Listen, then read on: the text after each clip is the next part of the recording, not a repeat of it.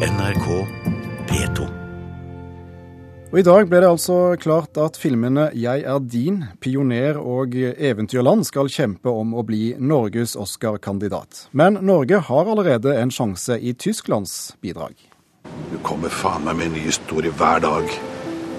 Jeg skal fortelle dere alt. Tusen av norske barn fikk livene sine ødelagt bare fordi de hadde tysk far. Og ikke en sjel snakker om det. Og hvorfor interesserer du deg for dette? Det er så lenge siden. Jeg skjønner ikke hvordan du har holdt ut, Katrin. Ved hjelp av din kjærlighet.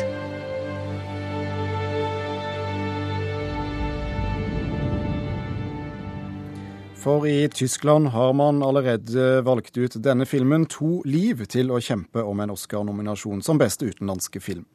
Den er en tysk-norsk samproduksjon, og Liv Ullmann og Sven Nordin spiller to av de bærende rollene i filmen. Den norske produsenten er deg, Aksel Helgeland. Dette er en film om konsekvensene av nazistenes Lebensborn-program. Hva kan du si, kort si om handlingen uten å røpe alt? Ja, Hovedpersonen, Katrine, eh, er jo vokst opp på et barnehjem i Tyskland.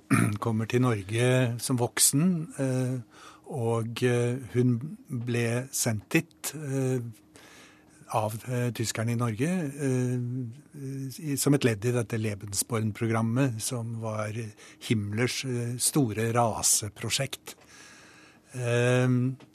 Eh, Så viser det seg at hun har noen hemmeligheter i bagasjen. Etter å ha bodd eh, 20 år i Norge, så faller DDR-staten sammen eh, høsten 1989. Og eh, det begynner å kravle ormer og padder ut av Stasi-arkivene. Hvordan eh, var det å få beskjeden om at dere nå er eh, Oscar-kandidat? Ja, det var jo selvfølgelig fantastisk morsomt, og særlig morsomt fordi om tre uker har tyskerne premiere i Tyskland. Så det er jo en veldig bra timing i forhold til det. Hvordan kom dette samarbeidet i gang?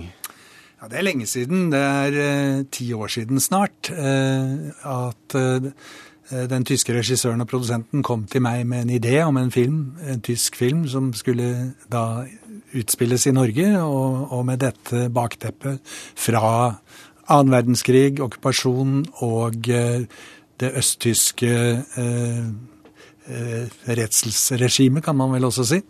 Eh, Så eh, vi utviklet dette prosjektet over lang tid, og det var ikke så lett å få det finansiert, fordi som du hørte i traileren her, så er jo veldig mye av dialogen på norsk.